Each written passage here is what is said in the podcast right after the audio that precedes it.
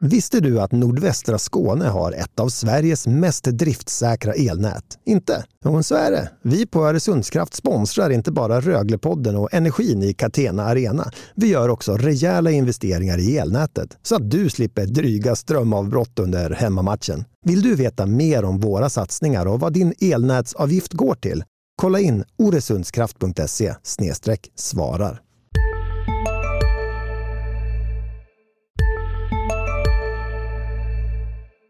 Denna podcast presenteras av Skorönne. Skobutiken med personlig service. We're here to win a championship. I mean, I'm not no no issue saying that. Well, that's why are we doing this? It's to win. I mean, I I don't think uh, anybody that's involved at this level uh, has any other intention. So let's not uh, be afraid to say that. Pappa och Rogge och jag tror de har ju ändå gjort något stort för klubben liksom och de var väldigt stora där och det är ju bara kul att jag och Lukas har fått komma upp i A-laget båda två också och föra Elvenäs vidare. Det är en speciell grupp och vi fortsätter att skriva om historieboken. Så sa Röglebacken Cody Curran efter segern bort borta mot Skellefteå. Och anledningen till att han sa så var för att Rögle till slut lyckades besegra Skellefteå i Skellefteå för första gången sedan 1 november 2009. Man hade tio raka förluster där uppe. Daniel Roth, du är med här idag. Linus Alin är det inte för han har semester. Men ändå, det Cody Curran säger, eller sa, det stämmer ju. Uh, ja, han kunde också sagt att uh, på, uh, vad är det för dag idag? Onsdagens träning så ska jag gå och köpa en stor uh, prinsesstårta och ge till min målvakt Justin Poggi som var snäll nog att rädda friläget som jag orsakade och som gjorde att jag kunde avgöra matchen i förlängningen och ta den här eh, spräcka den här sviten. Så hade han faktiskt kunnat säga. För ja, det hade kunnat bli noll poäng och det blev två poäng. Mm, små marginaler. Imponerande insats av Rögle där uppe efter en eh, knackig, Ja, start ska man väl inte säga för de börjar ju bra men eh, tidigt underläge ändå. Det var ju inte allt för förtroendeingivande just vid det målet men sen jobbar man sig in i matchen, hamnade i underläge, jobbar sig in igen och man hade vallningsexperten Linus Sandin med god hjälp av cirkusartisten Nils Höglander eh, till målen. Mm. Eh, vi kommer väl till det med, med just deras sätt att spela bortahockey men jag tycker att de är de, de har blivit väldigt mentalt tåliga eller man ska säga på bortaplan. De, det är ju dubbla prövningar man ställs inför. De ligger under både i första och andra perioden. Men äh, de är duktiga på att hitta sätt att vrida sig ur och, och vinna matcher och vinna dem rättvist. Eh, och är det någonting Rögle fortsätter att göra den här säsongen är det att bryta barriärer och stiga över hinder, ta sig förbi dem, passera dem till eh, jag ska inte säga skräphögen, men eh, de dåliga trenderna i alla fall till skräphögen och eh, ja, bara eh, ta nästa steg i sin hockeyresa som förening. Jo, men det är väl, vi har väl varit inne på det med att ehm, eh, det är precis som att den här abortmentaliteten att eh, vi ska vinna. Det finns ingen, det finns ingen anledning att förlora i Skellefteå bara för att vi har förlorat där i tio år eh, det är ett gäng som åker runt och, och, och tänker att eh, det är ganska det är väl naturligt att vi ska vinna ikväll. Eh, och det är väl det har hänt någonting där som är fortfarande häftigt att, att följa. Det var Cody Curran som jag pratade med då efter matchen. Och han sa ju också det att man siktar ju och jagar fortfarande topp 6. Det är några poäng upp dit nu, men man har ju inte gett upp det där på något sätt. Nej, det finns ju ingen anledning. Det är ju ganska många matcher kvar och, och med tanke på hur fortfarande hur packad tabellen är så um, kommer man i ett flow här nu bara stapla lite segrar. Uh, det kan ju räcka att uh, avsluta den här veckan starkt mot Växjö uh, så kan man vara väldigt nära. Ett par ord av dig också Daniel tänkte jag ta. Jag fick dem faktiskt av Cody Curran också igår men i stressen och hans speed när han pratade så hann jag inte översätta för jag fick inte ihop sammanhanget. Men jag vet, eller i alla fall inte ordagrant, men jag vet vad han menade. Han var imponerad av Nils Höglander och Linus Sandin, de två spelare som jag nämnde innan. Vad säger du om dem? Ja, de är, de är väldigt företagsamma hela tiden. Ehm, framförallt Höglander har ju verkligen hittat rätt i, i den kedjan med, med Mattias Sjögren och Trevor Mingoya. Jag skrev efter någon match att nu känns det verkligen som att man har ett, ett, eh, en stark andra kedja bakom den här så, tidigare så dominerande Britannkedjan. Det är, det är superviktigt att, ehm, att man har det och Sandin är ju väldigt eh, ja men han är ju väldigt underskattad. Det är ju en spelare som eh, som vi har snackat om innan som, som ofta står på isen när det är 45 sekunder kvar och det är, man ska försvara en ledning eller så. Han, han gör väldigt mycket eh, rätt saker. Um, gör, gör rätt för sig um, på många vis. Ja, jag recenserar honom så här. Nils Höglander, en teknisk artist och Linus Sandin, en teknisk grävskopa. För han är grymt bra runt sargerna och få fram pucken och gräva fram pucken och sen vidare. Och samtidigt som han är teknisk, en ganska ovanlig kombo som hockeyspelare i mitt tycke. Jo, men det, den typen av spelare eh, som, som har eh, lite grann som, som de två har, som har speeden och kraften och eh, de, de, har en tendens att växa ganska snabbt i det här liksom, Abbots ledarskap. Eh, men om man jämför med Christian Thomas eller, eller um, Jäger och någon annan som har fallit ifrån liksom, som kanske inte riktigt har de har ju inte uppfyllt liksom alla kriterier men är man ganska ung, stark och snabb och eh, det känns som att man får en rätt så bra ehm, en rätt så bra karta och kompass för att eh, lyckas ehm, under liksom Abbots eh, ledarskap. De, de passar väldigt bra i deras sätt att spela. Du var inne på att eh, Nils Höglander då har kommit till sin rätt nu när han får spela med Trevor Mingoya och Mattias Sjögren. Och du har varit ute på träningen idag. Det är du som har varit vår korrespondent i Lindab Arena och jag antar att den kedjan är intakt inför de kommande mötena och till att börja med det första mötet mot Växjö. Vi är halvt utbrända här utan eh, Linus Alin i, i skytte, skyttegraven. Ja. Får komma tillbaka snart. Eh, nej, men det var en ganska odramatisk eh, träning. Rögle flög hem från Skellefteå i natt. Landade i Ängelholm vid två, strax efter två i natt.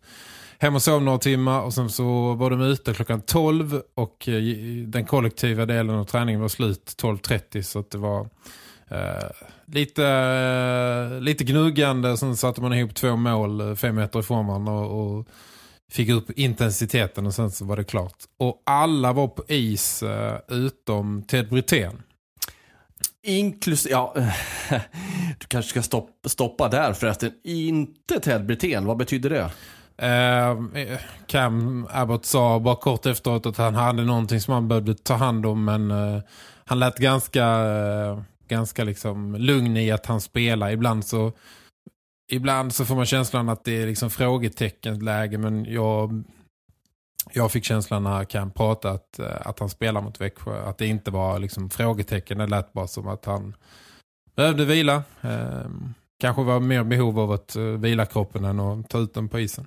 Det jag skulle fortsätta där nu, du stoppade mig i tanken när du sa att alla var på is utom Ted var ju då att det betyder att Ben Jouds också var på isen då, för det var han nej, inte... Nej, det tror jag. Han såg jag däremot inte till. Han är väl eh, fortfarande... Han räknar knappt med, för han har inte varit med på evigheter. Så um, nej. nej, han såg jag inte. Ja, när jag var i Lindab för några dagar, dagar sedan då, in, innan matchen mot Skellefteå så passerade han mig och frågade hur det var. Och då lät på honom som att det inte var så långt borta. Men det har det gjort tidigare under säsongen också så man kanske inte ska ta, ta ut för mycket i förskott där. Nej, eh, det var så länge sedan han var med så jag tror inte att någon, eh, han känns inte riktigt eh, som någon som de går liksom och, och väntar på eller längtar efter. Det känns som att de har snurrat vidare på något vis. Han känns ganska perifer för tillfället. Du snuddade vid borta spelet. Ska vi ta ett större grepp om det nu? För det finns anmärkningsvärda siffror och tankegångar där från dig när du har studerat det där närmare, Daniel.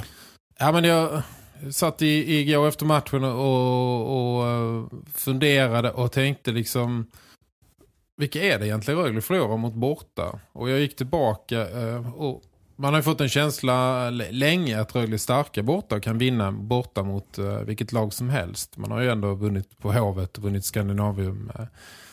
Men då, då visar det sig att från, om man börjar räkna från där säsongen, eh, om man bortser från den här kaosstarten och förlorar alla matcher, så från och med den typ 30 oktober eller så, när man börjar eh, det är där någonstans stabiliteten infinner sig. Så tror jag de har spelat, Rögle spelat 13 bortamatcher. Och de enda gångerna man har kammat noll, det är mot Mora, Timrå och Örebro. Vilket är ganska skumt. Ja, vilket, är Eller? Vilket ju är de eh, tre med marginal eh, sämsta lagen eh, i, eh, i serien. I alla andra bortamatcher i tre månaders tid så har Rögle tagit åtminstone en poäng och i många fall två och tre. Vad har du då för teori kring detta? Att man inte presterar mot de sämsta lagen men presterar mot de bästa?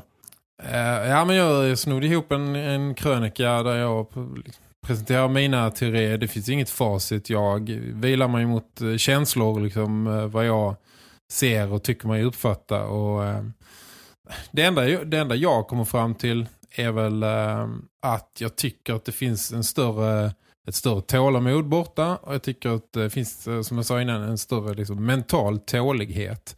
Man ser många gånger jag tycker att det mönstret upprepat sig i många matcher att man jagar ett, ett mål hemma motståndarna gör det och eh, man kommer liksom ur, ur fas, ur rytm och så blir det väldigt stressat och, och jagat. Eh, men där jag tycker att när Rögle spelar borta så är det ett mycket större lugn och eh, det känns som att man eh, eh ja, man är tålmodigare och, och spelar mer som, som ett lag. Varför, varför gör man då inte det mot de sämsta lagen? Har det att göra med att de sämsta lagen inte har samma struktur och organisation som gör att det inte går att spela på samma sätt mot dem? Eller blir man övermodiga? Eller blir man bara geléklumpar? Eller vad händer? Nu ska, jag, nu ska jag faktiskt väga mina ord för att jag har gjort en text på Roger Hansson som jag tycker är intressant, Rögles assisterande tränare, som jag tycker är intressant att prata med ibland när det gäller um, få lite perspektiv på grejer. Och han har egna teorier som, uh, som jag ska skriva ihop till en text som kommer imorgon bitti. Så de ska jag faktiskt... Uh, de ska inte... Du vill inte ha den här frågan av mig nu med andra Jo, uh, mitt, mina svar finns redan så. Men jag ska inte ge mig in på hans svar utan de får ni ge till tåls till imorgon. Låter vettigt. Nu ska jag bara hålla isär de här. Ja, så att, så att du vet vilka som är dina tankar och hans tankar. Exakt. Uh, nej men det är klart, man hör ju ingenting annat än att, uh, än att spelarna så de älskar att spela hemma. Det är ju, Rögle har ju en omvittnat liksom stark hemmapublik och alla tycker att det är kul att, att spela hemma. Men jag vet inte, jag, jag formulerar mig lite så att kanske skulle, kan, det, kan det också kanske bli lite en tvångströja att man vill väldigt mycket och att när man vill väldigt mycket så, så kan det bli vilja liksom för mycket att det blir liksom forcerat. Eh, jag tog några citat av Justin Pogge idag också som sa, var inne på det också. Han sa liksom att eh, vi, vi behöver liksom inte jaga ihjäl oss eh, bara för att liksom våra, våra fans skriker och så. Det är möjligt att det är lite tråkigare att sitta tillbaka lite men uh, vinner vi matcherna så kommer nog publiken tycka det är kul ändå. Uh, så det är väl någon slags liksom, teori att man, att man det blir lite mer forcerat och jagigt eh, hemma än borta.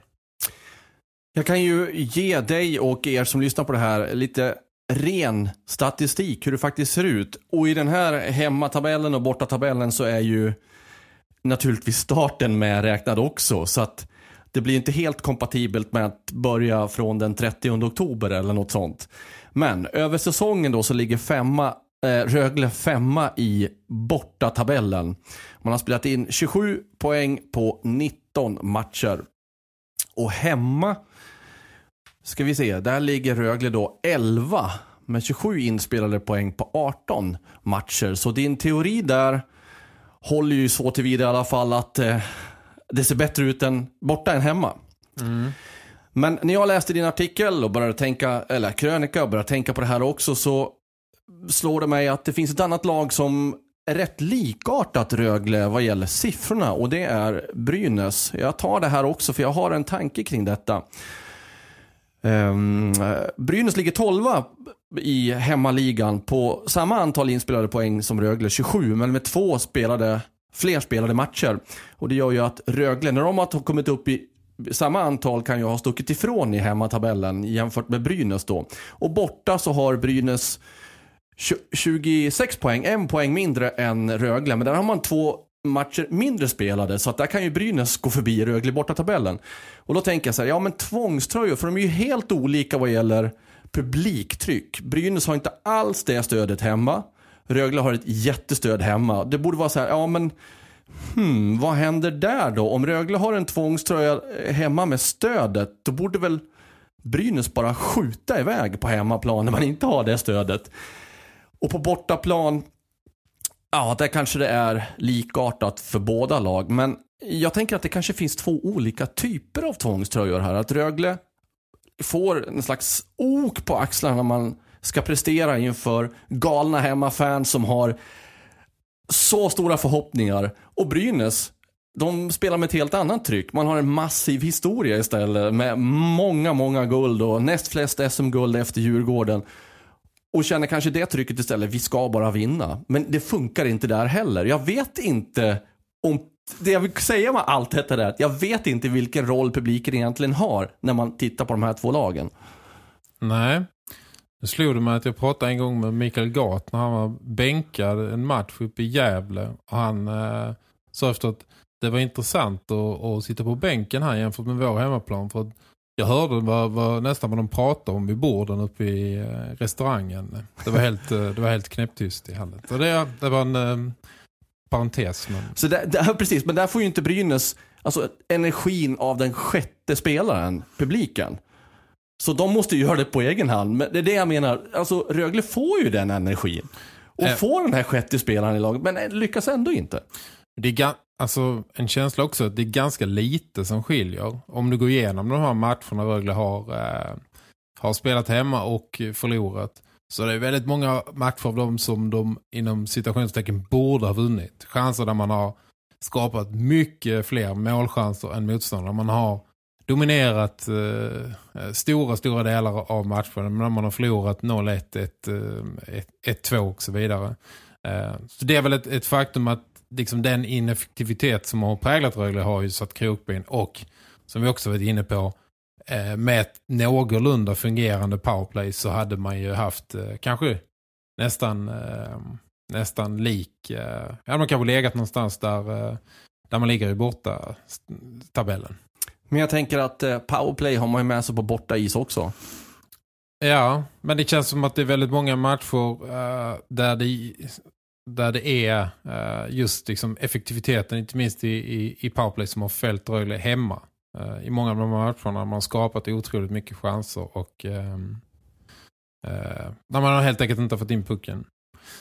Men det, jag var ju i, som sagt i, i Lindab idag och eh, jag bytte några ord med Daniel Widing eh, och frågade om han kunde jag bara kort redogjorde för den här bortastatistiken eh, och han blev överraskad. Han, han trodde inte att, att ehm, han trodde inte att det såg riktigt så bra ut. Men jag frågade honom om han kunde sätta lite ord på dels varför Rögle är så starka borta och eh, vad det är som skiljer. Ska vi lyssna på det? Det tycker jag. Vi låter Daniel Widing få ordet. Nej, men jag tycker väl att vi har hittat ett, ett stabilt spel just nu. Eh, vi känns starka och vi känner oss trygga. Eh, vi har ju liksom eh, vi har ett grundspel nu som, som vi kan luta oss mot även om vi har lite dippar i matchen. Liksom.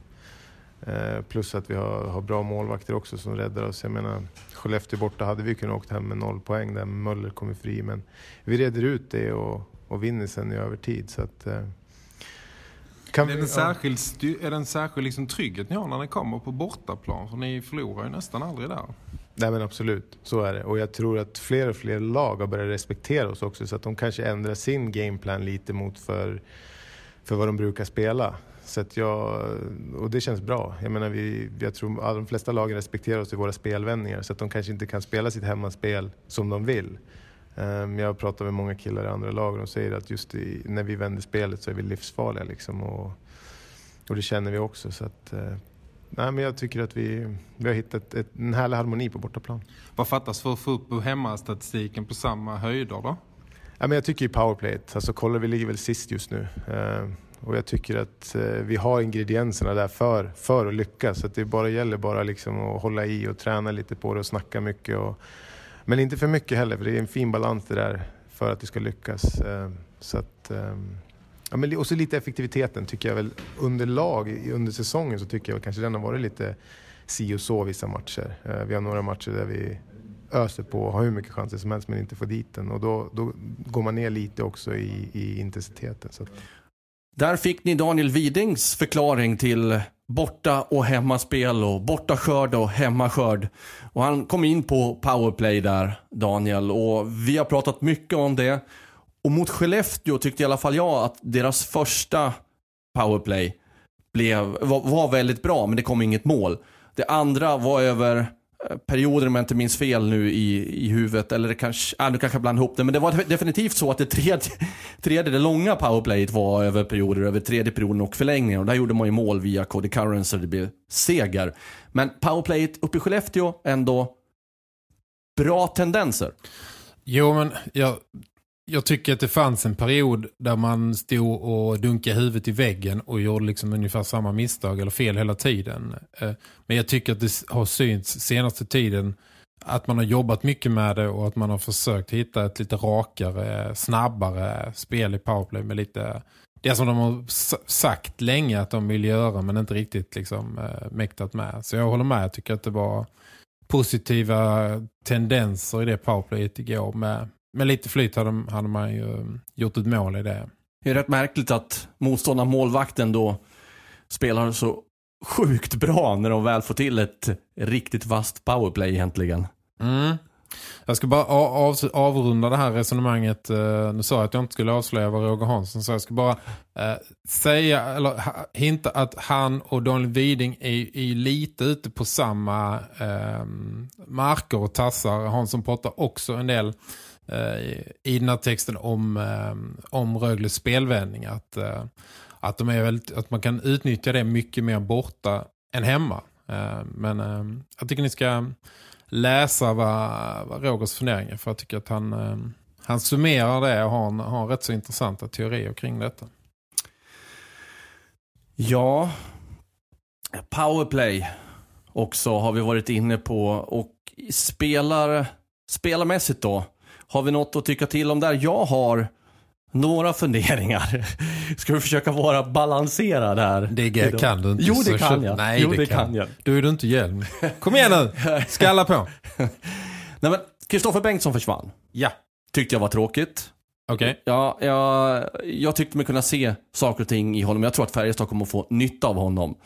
Mm. Mm. Tveksam. Eh, mer då? Jag får väl ta på mig en så kallad dumstrut här. Jag var ju inne på att Kolpanen borde få fler chanser. Gick så där mot Luleå. Och... Har du också valt att bli egen? Då är det viktigt att skaffa en bra företagsförsäkring. Hos oss är alla småföretag stora och inga frågor för små. Swedeas företagsförsäkring är anpassad för mindre företag och täcker även sånt som din hemförsäkring inte täcker. Gå in på swedea.se företag och jämför själv.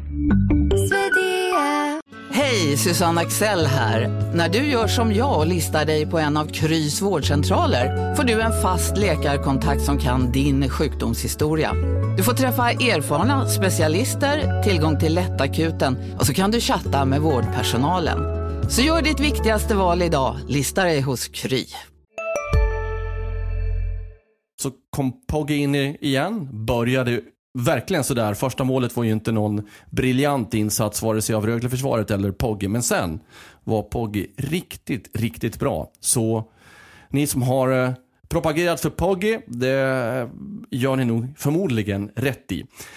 Sen till... Jag får bara haka på innan du fortsätter då. Att eh, när man kokar ihop den här kvällen i Skellefteå så var det kanske helt rätt personer som fick gå hem med någon slags eh, avgörande roll. Liksom. Eh, vi, har, vi har pratat här om att Rögle inte har någon riktigt het målvakt. Eh, Kolpanen var inte så jättestark mot Uleå. Eh, Poggi klev ju verkligen fram igår. Han räddade ju de här poängen.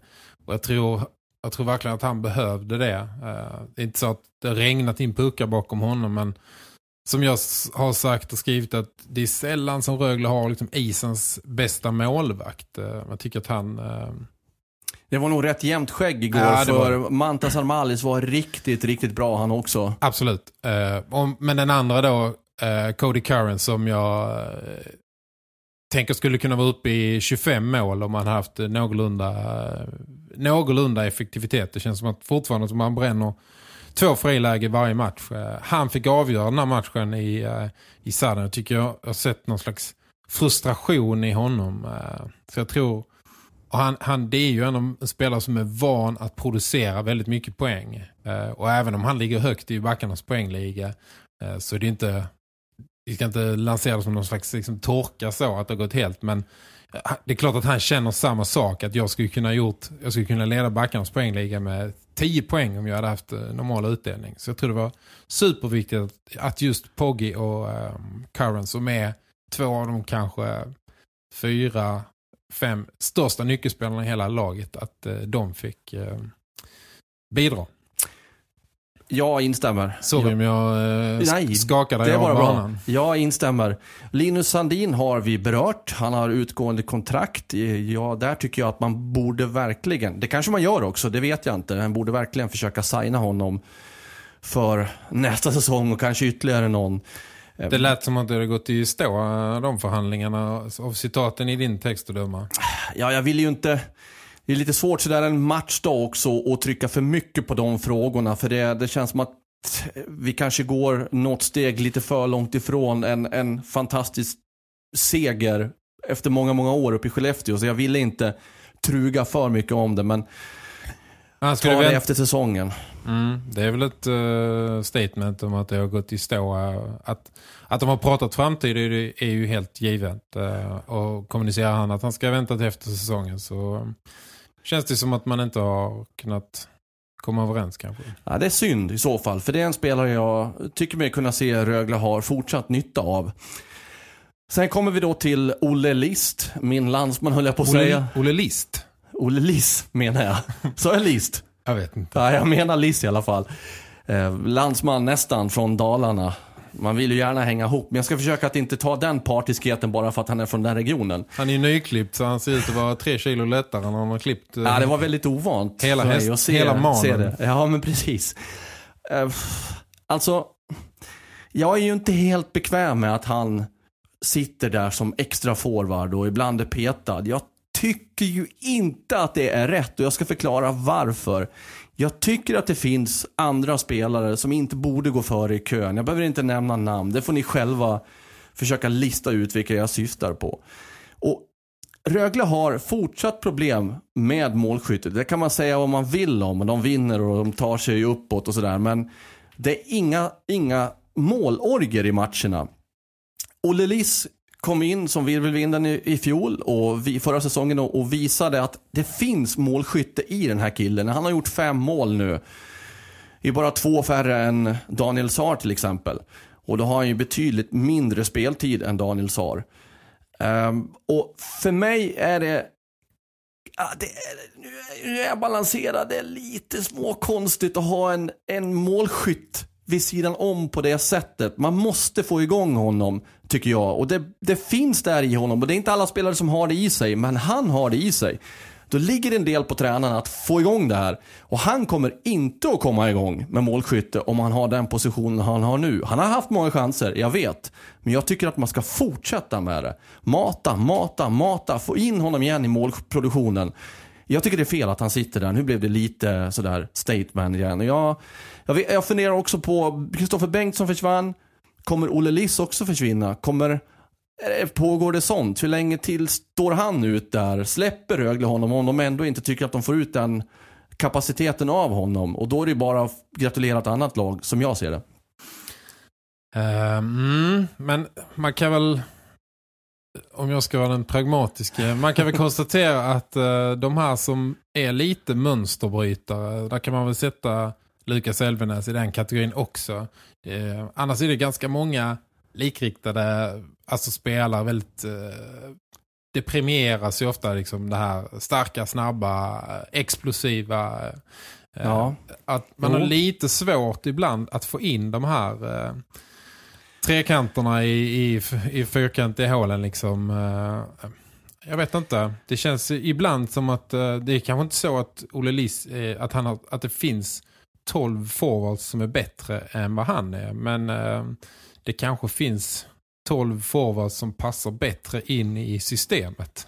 Ja, ja säger jag. Ja, därför att... Alltså nu tänker jag att, att det är så tränarna resonerar. Ja, men eh, om, om den tanken skulle löpas hela vägen ut. Då menar jag att då hade det inte funkat med eh, Eh, den spelartypen förra säsongen heller när han kom in och gjorde succé och till och med tog sig till landslaget. Det känns som att det är en spelare som har funkat i systemet, har mål i sig, då borde det kunna gå igen. Det hade varit en helt annan sak om det hade varit en, en spelare som kom hit och inte hade producerat någonting och sen hamnade på sidan och så tack och hej. Men det är ju inte riktigt så med Olle Lis.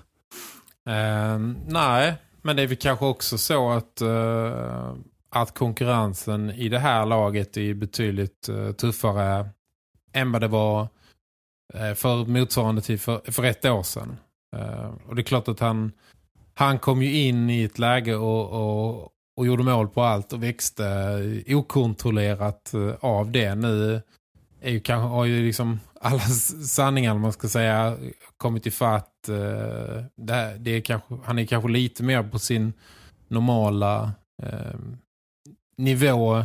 Jag sa inte att detta är kanske hans, i och för sig hans normala nivå när han sitter utanför och inte gör någonting. Men, nej, den, det, det, skulle ju vara en diss av Guds nåde det. Ja, nej, men jag menar att, att eller det jag kanske fiskar efter att den nivån han var inne och, och gästspelade på förra våren var kanske inte hans eh, egentliga liksom eh, måndag till fredag kapacitet. Jag vet inte. Om det är så, ska Rögle ha kvar honom? Ja, men, jag, alltså jag, jag kan lite förstå vad du menar och, och en svaghet med det här eh, liksom eh, så att säga svaghet det går ganska bra liksom. men det är ganska många forwards som som vad ska man säga som alltid står för du vet nästan mm. exakt vad du får i form av hårt arbete. Mm. Men du vet också, du kan plocka ut typ fem forwards i det laget där du vet att du kommer inte att få tvåsiffrigt antal poäng på en hel säsong. För det är inga spelare som, det är inga poängspelare. Nej, precis. Eh, och Olle Liss har ju, eh, har ju de, den kapaciteten och den förmågan i sig på ett helt annat sätt. Det är ju en, en poängspelare. Eh, så att jag, ehm, jag förstår vad du menar och det där.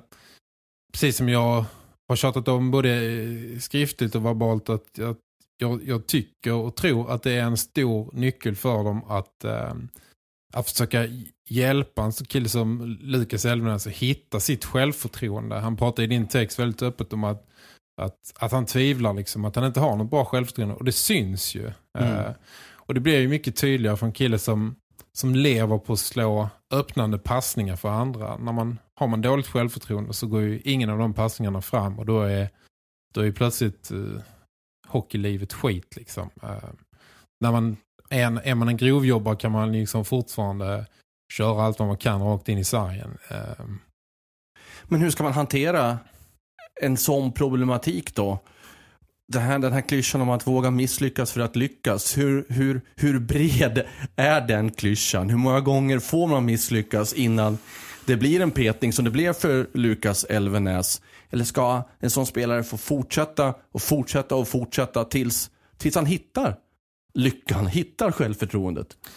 Ja, men det är väl klart det finns väl bortre gränser för, för allt. Uh, om man kan se det är klart att det var ett vråltufft besked att få uh, Leon Bristet avstängt tre matcher. Um, men med lite flyt kan det kanske göra någonting för, för Lukas Elfven som kommer in i en fungerande miljö. Eh, han har ju fått lite chanser på vägen. Han, han måste ju försöka, försöka ta dem och, och, och växa av detta. Eh, för det är klart att man kan inte... Eh, laget måste ju fungera också. Liksom. Man, kan, man måste ju spela de 12 bästa forwards. Liksom. Men jag, jag vidhåller att eh, jag tror att det är en nyckel för dem, uh, inte minst i, i sitt powerplay, att de, att de liksom inte ska ge upp på honom utan att uh, tro på Nej, honom hela vägen. Och, Lukas är ju väldigt frispråkig. Jag hoppas ingen liksom, tolkar det som att jag försökte leta fram eller gräva fram en ny konflikt mellan honom och Cam Abbott i den texten. För så var det inte, utan det var helt öppet och väldigt mjuka frågor. Men han, han, var ju, han är ju också väldigt öppen i sina svar. Att får jag inte spela, då är det klart att ungefär att då måste jag se mig om efter alternativ. Precis som Kristoffer Bengtsson har gjort. Nu har han ju fått en ny chans här. Men, men det är klart att med ett NHL-kontrakt, med Vegas, in och ut i laget. Det är klart att där är ju, det finns en, en annan problematik där hos Lukas Elvenäs än hos andra spelare.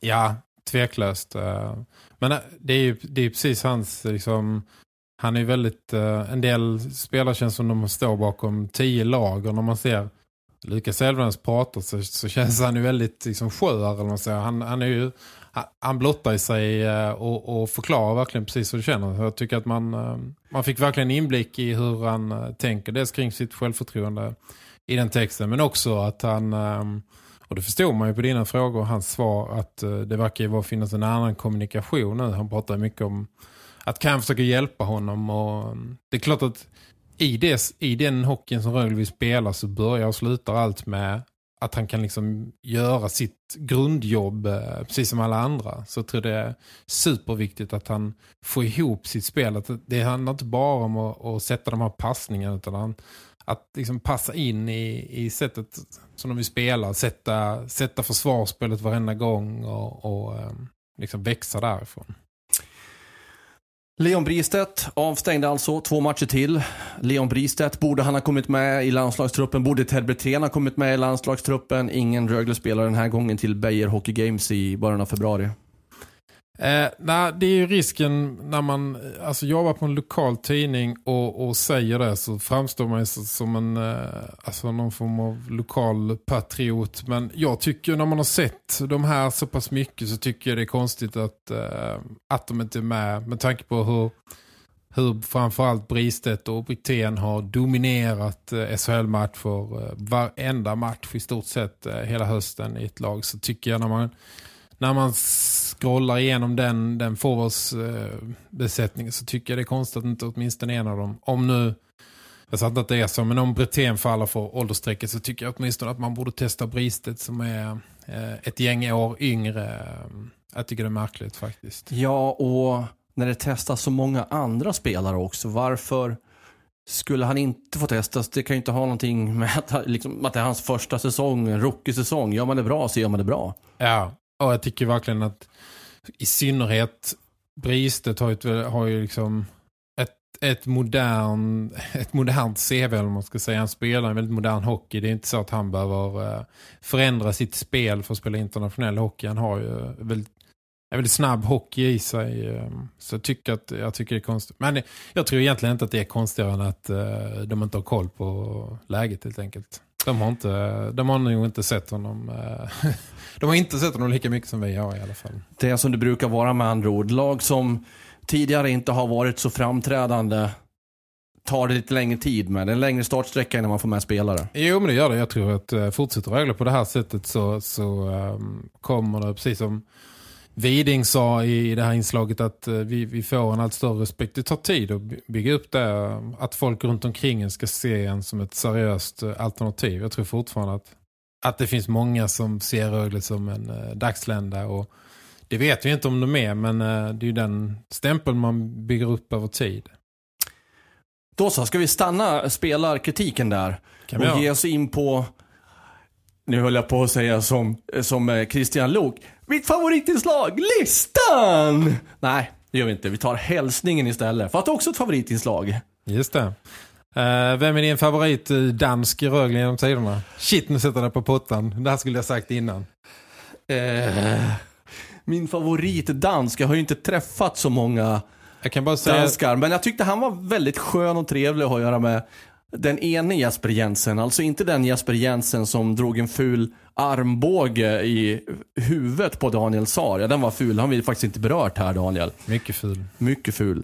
Fick väl sex matchers avstängning för den också. Du ser. Eh, utan den andra Jesper Jensen som sen gick vidare till Färjestad eller något sånt va? Just det, i Finland tror jag. Mycket trevlig dansk. Men Ja. jag tror inte det är han du syftar på här. Nej, det är inte heller Christian Just som, eh, om ni har vägarna förbi Gentofte Skötehall så hänger Christian Just eh, tröja i, i taket där. Är det han, eh, eh, den här sköne ynglingen som kunde säga vad som helst som drog till AIK sen? Som Eh, var i Rögle nu här om Jaha, säsongen. Mattias From. Ja. Nej, Inte heller Ronny Larsen och inte heller Heinz Ehlers. Är en- Ehlers hade ju varit något. Ja, vi, jag, jag får ny... Vi har inte haft han va? Nej, det har vi inte. Nej. Vi, jag får ny inspiration hela tiden. Nej, det är eh, den lilla, den lilla sjuan. Den lille. Den lilla sjuan. Mads Budker. Mads Butker. Mm. Du ska nog inte uttala danska namn. Det ska inte jag heller. Men ännu mindre du. Eh, Så här är det. Jag fick tag på... eh, För jag tyckte jag såg Mads i eh, Lindab Arena på en match. Så jag skrev till honom och... ehm, Uh, undrar om uh, det var som jag uh, trodde att jag sett honom. Och det var det. Uh, han skickade följande uh, lägesuppdatering. Allt bra här tack. Hoppas allt är bra med dig också. Jo det är sant. Det var roligt att vara tillbaka i arenan och kolla en match. Jag bor i Nyhamn i Köpenhamn med min flickvän Annie som är från Ängelholm. Och vår son Karl som fyller två år här i februari. Just nu jobbar jag hos ett möbelföretag som heter Interstudio där jag sitter med business development. Jag har riktigt många roliga minnen från tiden i Rögle så där kunde jag ha pratat en lång tid. Haha! Men de bästa minnen är helt klart alla kompisar man har spelat med och alla ledarna runt laget och hela Rögles organisation. Och såklart alla fans. Sen är det året när vi gick upp i elitserien och spelade i den gamla ishallen. Där ståplats fortfarande var halva ishallen typ. Den kändes som stå... Eller, um, ståplats var en gigantisk vägg där och där passionen kom helt ner på isen. Det var en helt fantastisk upplevelse och jag tycker det är synd att ståplats inte är lika stor längre. Men hela det året som då var 2007-2008 var fantastiskt. Inte minst sättet vi gick upp på på hemmaplan. Sen första året i elitserien med den nya ishallen var också fint. De fantastiska fansen kommer jag aldrig glömma. Det är helt fantastiskt att ha fått vara med om och uppleva. Och sen igen alla de olika lagkompisar man har spelat med i Rögle. Jag tycker att klubben var riktigt duktig på att sammansätta laget med bra människor som spelade rolig hockey. Sen är gamla kompisar snälla att skriva om de är i Köpenhamn. För då träffas vi och dricker öl och pratar om allt möjligt från Rögle-tiden. I sommar så var Daniel Rahimi, Johannes Salmonsson och Sebastian Karlsson och hälsade på. Det var roligt. Ha det så bra. Vilken härlig hälsning. Ja, eh, 3 plus, 4 plus. Du, hur var han som spelare då? Eh, ja, det var ju en eh, liten eh, ettrig, pålitlig, eh, ärlig back. Framförallt var det en, eh, stor, eller en stor eh, karaktär utanför isen. Jag stod och funderade på det lite innan. Ofta känns det som att, eh, vi pratar om Lukas Elvenäs, att, det, att han är ganska liksom, vad ska man säga, naken eller skör så. Eh, Mats Bödker var precis likadan. Det kändes som, hade man sagt till honom att eh, du skulle behöva låna 200 spänn så hade han tagit fram plånboken. Han var, Ja. han var en snäll, eh, en snäll back. En snäll dansk. En snäll dansk eh, som eh, var eh, mer populär då än eh, när han hamnade i Malmö sen för några, några år senare. Fast det var en ganska okontroversiell övergång. Det var en det var något klubbyte emellan tror jag och Rögle var inte intresserad av en återförening så att eh, han klarade den. Eh, Galant. jag tror det. Mm. Spännande ändå. Jag har eh, nya hälsningar på gång så att eh, En, en radda danskar till. nej, vi får, nu får vi jobba oss eh, åt ett, i en annan geografisk riktning. Nu ska jag göra ett test på dig. Nej. Jo. För vi ska ju börja eh, få ner den här breda eh, tratten till en, en eh, liten sån där, vad heter det? Man, man svalnar av tratten helt enkelt. Så ja. att man kan sluta. Mm. Det, man, det går sådär än så länge. ja, det går sådär. Vi kan säga så här, knyta ihop säcken då. Ja, det då vi. förstår du bilden Ja, bättre. det gör- nu- vi börjar i Skellefteå. Ja. Jag sa att senast de vann där uppe innan det här var första november 2009. Vem gjorde målen i Skellefteå? I Rögle. Oj, Jag menar i Rögle i Skellefteå. 2009. Första säsongen. Ja, Det var inte en dansk, men det var inte en svensk. det kan ju ha varit uh, Abbott själva kanske. Nej. Sebastian Karlsson. Nej. Nu kommer ju det här efternamnet som jag inte kan uttala. Porseland. Nej. Ja, det kan jag uttala. Erik. Baudouin. Ja. Han gjorde mål. Ja. Okej. Ja, ja. Vad bra, du tog det i alla fall när jag sa Erik. Ja, han var ju till och med kapten mig. Ja.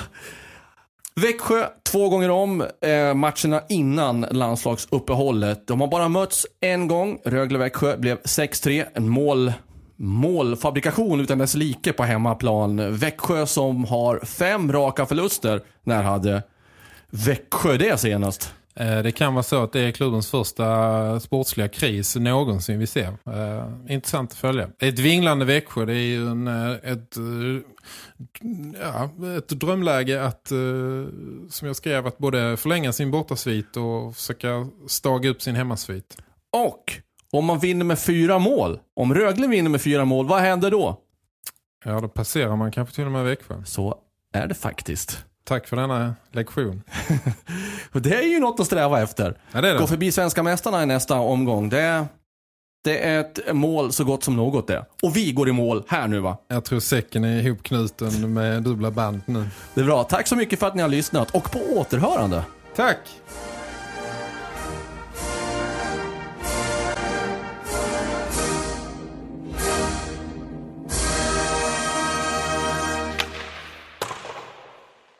Denna podcast presenteras av Skoren. Kurrar i magen och du behöver få i dig något snabbt? Då har vi en Donken deal för dig. En chicken burger med McFeast-sås och krispig sallad för bara 15 spänn. Varmt välkommen till McDonalds.